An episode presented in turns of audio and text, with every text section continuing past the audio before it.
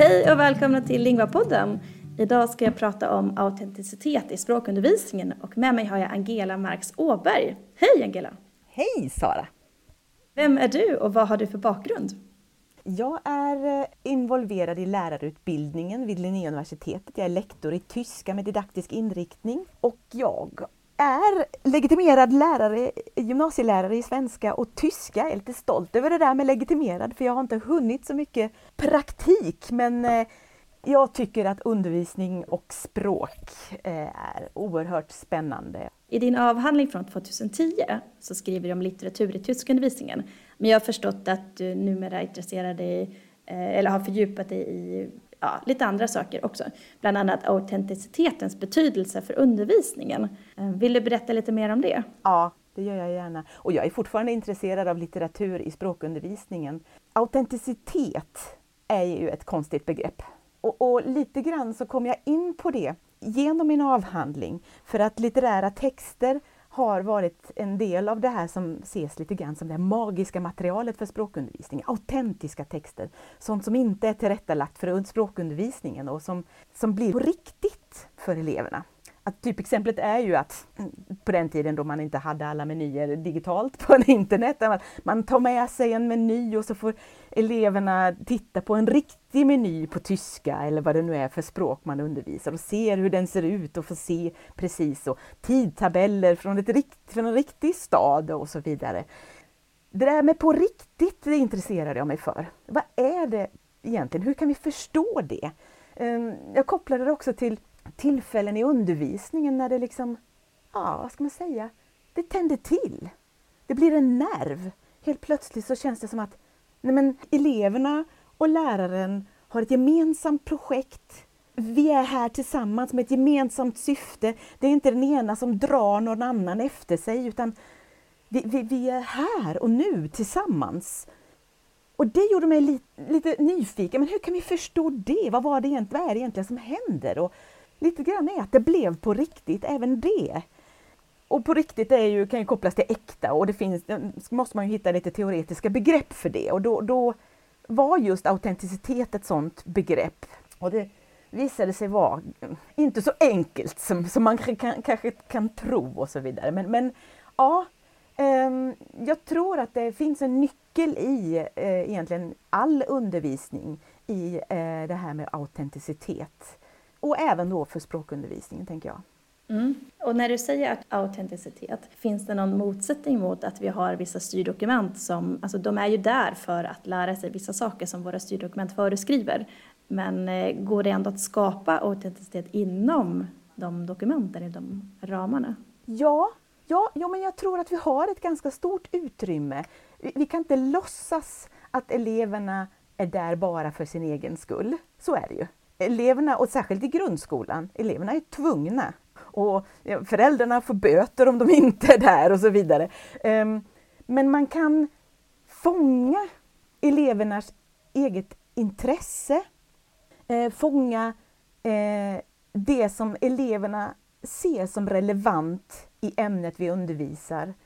Ett typexempel är när jag hade en kurs på gymnasiet i tyska 1 som samlade, ja, det var inte undervisning som jag var särskilt stolt över kan jag säga, men det samlade elever från olika skolor för det första, olika klasser, men också med väldigt olika motivation. En del var där som, som nybörjare, nej men de blev underkända i det språket de hade på högstadiet. Det var inte särskilt motiverade, de måste ha något språk, jag börjar om med tyskan.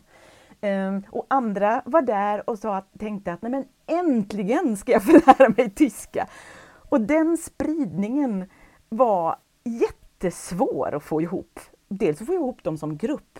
Så jag helt enkelt kapitulerade och sa, nej men nu måste vi på något vis hitta var ni är någonstans i undervisningen, i det här, vårt gemensamma projekt. När vill du kunna använda tyska? Och det de fick välja själva i vilken situation de ville det. De fick skriva en dialog.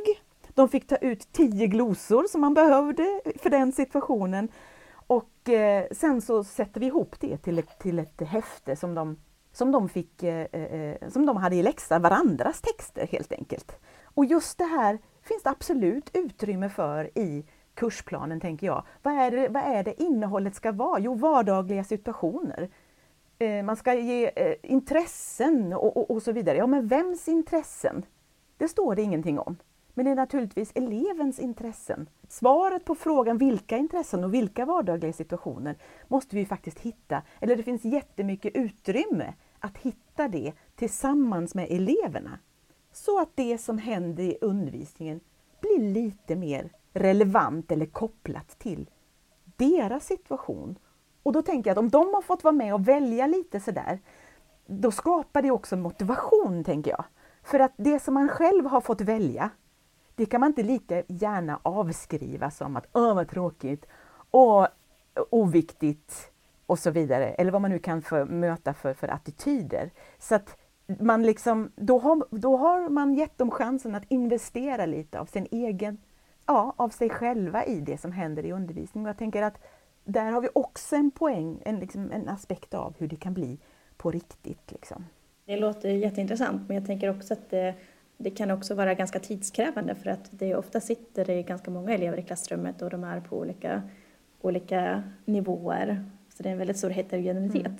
Men man vill ju att det ska gnistra till eller spraka till som du skriver i Man vill att nå det där. Kanske inte varje lektion men eh, emellanåt i alla fall. Nej men precis, man kan ju inte, man kan inte ha det så som krav på varje lektion men just att, att det stor, på det stora hela att eleverna får intrycket av att nej men de är ju där för att de ska lära sig, inte för att uppfylla någonting hos mig. Och att vi på något vis hittar något gemensamt tillvägagångssätt.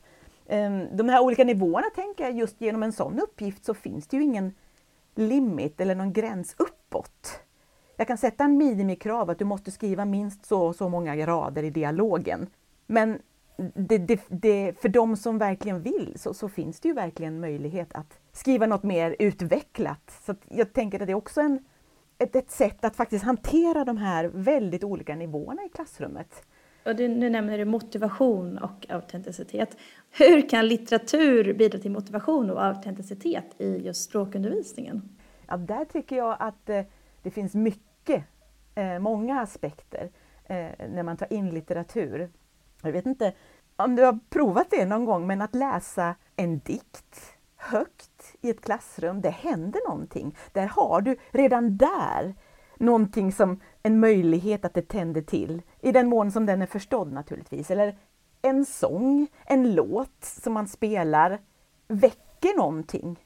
Du har, de här estetiska uttrycken på olika sätt är ju gjorda för att tala till andra delar i vår, i, i vår tillvaro eller i, våra, i, i oss som människor som inte bara går via tankemässiga, det intellektuella. Är de riktigt bra så kombinerar de ju det, att den utmanar i tanken samtidigt som jag får en estetisk upplevelse.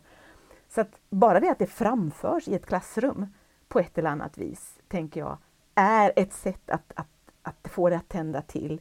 Sen är det oftast just för att de är gjorda för att väcka känslor, väcka tankar och inte är så här att ja, men det är ett svar. De oftast mång, finns ofta en mångtydighet och man leker med mångtydigheten i texterna. Och just i språkundervisningen finns det en otrolig potential just för det. För att har man väl förstått en text på, på ett ungefär och haft möjlighet att ha någon respons som elev till exempel till en låt som jag har hört eller till en, till en dikt som har lästs då, då är den responsen på något vis förankrad även i, mitt, i min känsla. Mer än om jag kanske hade läst en saktext. Saktexter kan också eh, eh, eh ge, ge, ge stoff för sådana här responser hos eleven. Överhuvudtaget att vi använder sådana texter som ger respons, som genererar någonting som bottnar i eleven själv. Och sen kan ju språkundervisning handla om att få eleverna att få kunna formulera det på, på målspråket. Det är det ena. Och sen också att ja, men höra vad har de andra för respons? Att förstå den. Och då har vi den här naturliga eh, äkta kommunikationen, interaktionen, eh, som också är en aspekt av autenticitet när vi samtalar. Inte för att träna på att samtala nödvändigtvis, utan för att vi vill veta vad den andra har att säga. Jag ställer frågor för att jag inte vet vad den andra kommer att säga. Och även som lärare tänker jag det är jätteviktigt att ställa sådana frågor. Och ju mer vi har den sortens kommunikation, desto bättre lär vi oss språket. För att för all forskning säger att ja, men meningsfull interaktion och meningsorienterad kommunikation är, eh, utvecklar språket.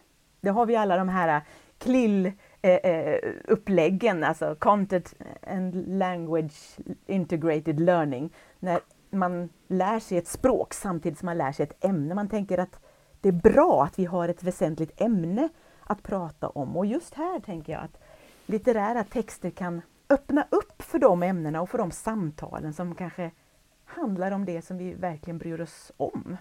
Både eleverna och läraren, tänker jag.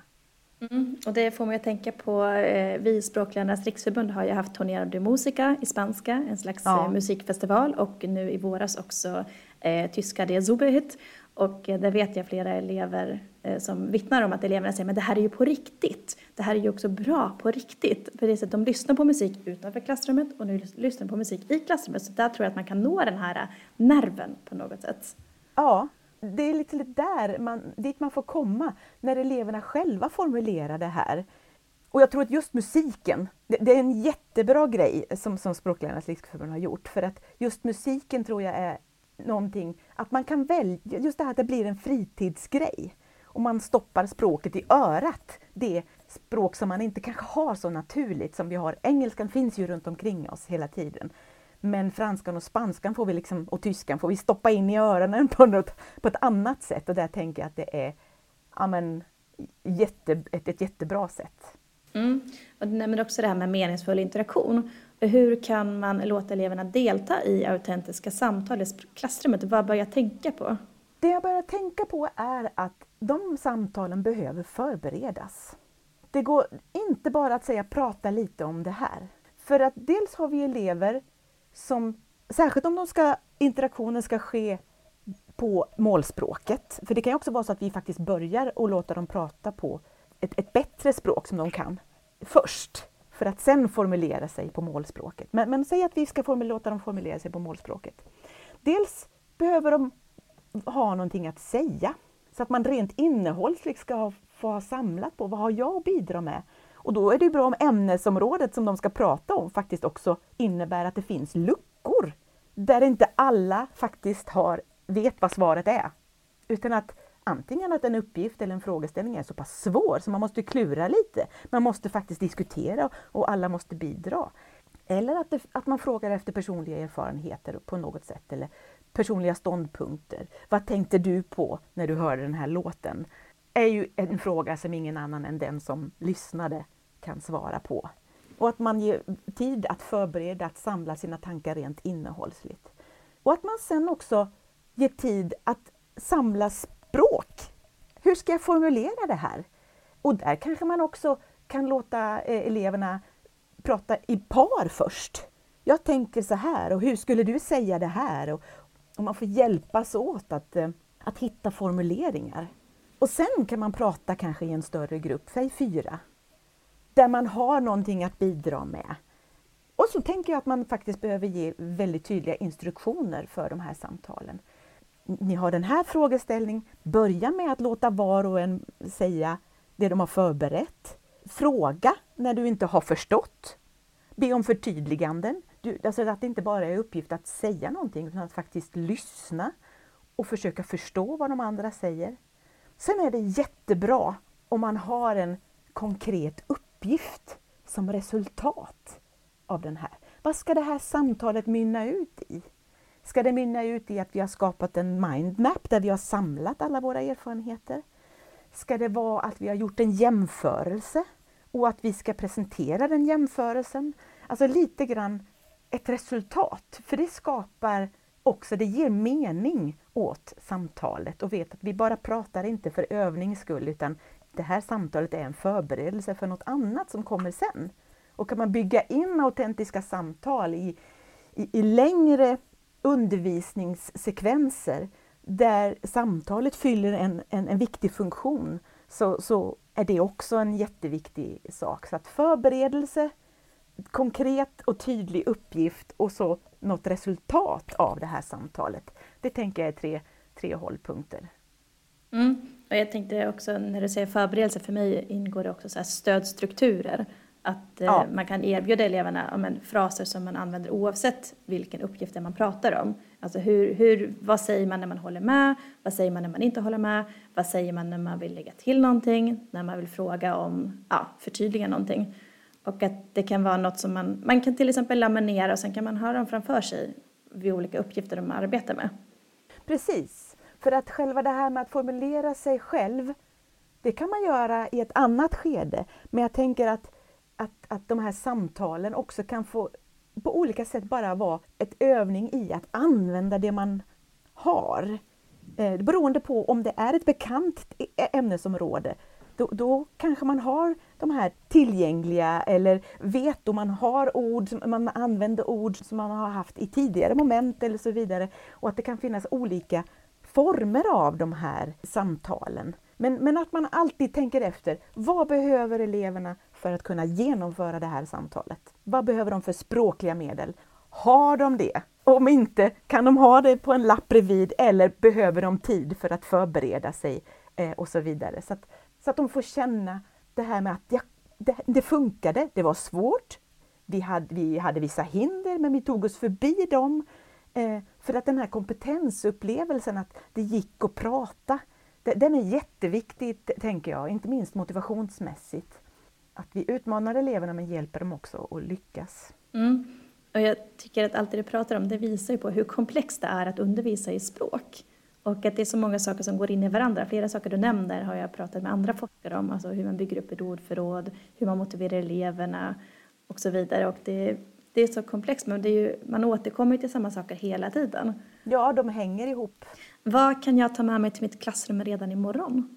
Jag tänker det här med att ställa frågor som man inte har svaret på. Som lärare till eleverna. För då börjar jag ett autentiskt samtal med mina elever. Och grejen är den att det är också utgångspunkten att jag vet var mina elever är någonstans, både kunskapsmässigt i språket och ja, men vad som intresserar dem. Hur vi kan göra innehållet som vi lär oss språket på mer relevant. Så att fråga eleverna.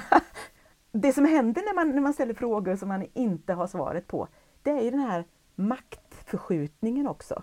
Och det har jag varit inne på egentligen i tidigare sammanhang också och även i den tidskriften Lingva att, att eleverna uppvärderas som de viktiga bidragsgivare till e, undervisningen som de är och som faktiskt kursplanerna formulerar dem till. För åsikter, känslor och intentioner, det, vems? Ja, men det måste ju vara elevernas.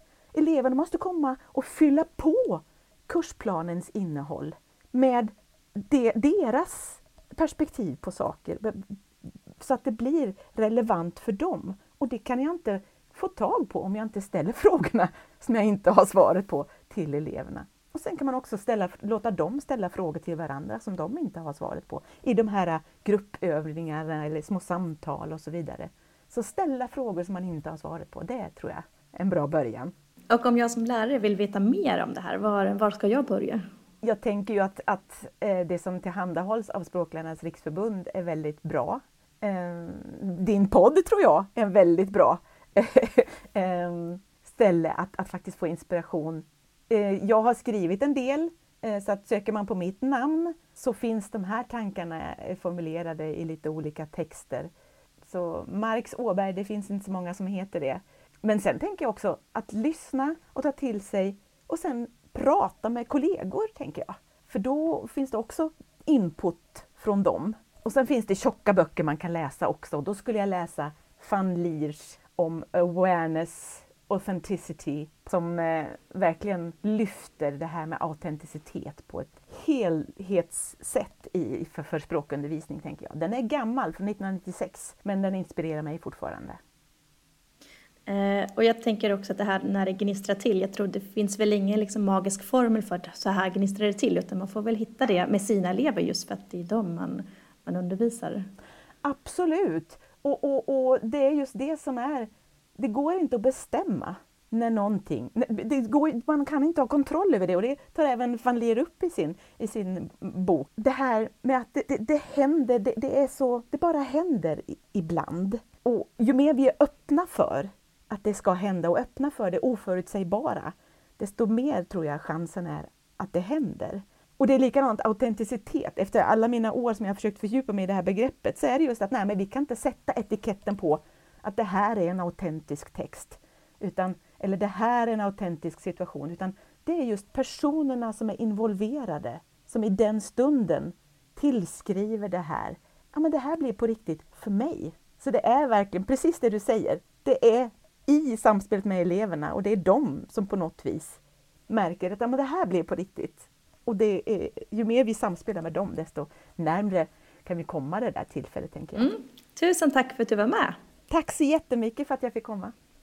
Och tack till er som har lyssnat. Ni hittar diskussionsfrågor för ert kollegium på vår hemsida och bli medlem ifall du inte redan är det. Tack så mycket!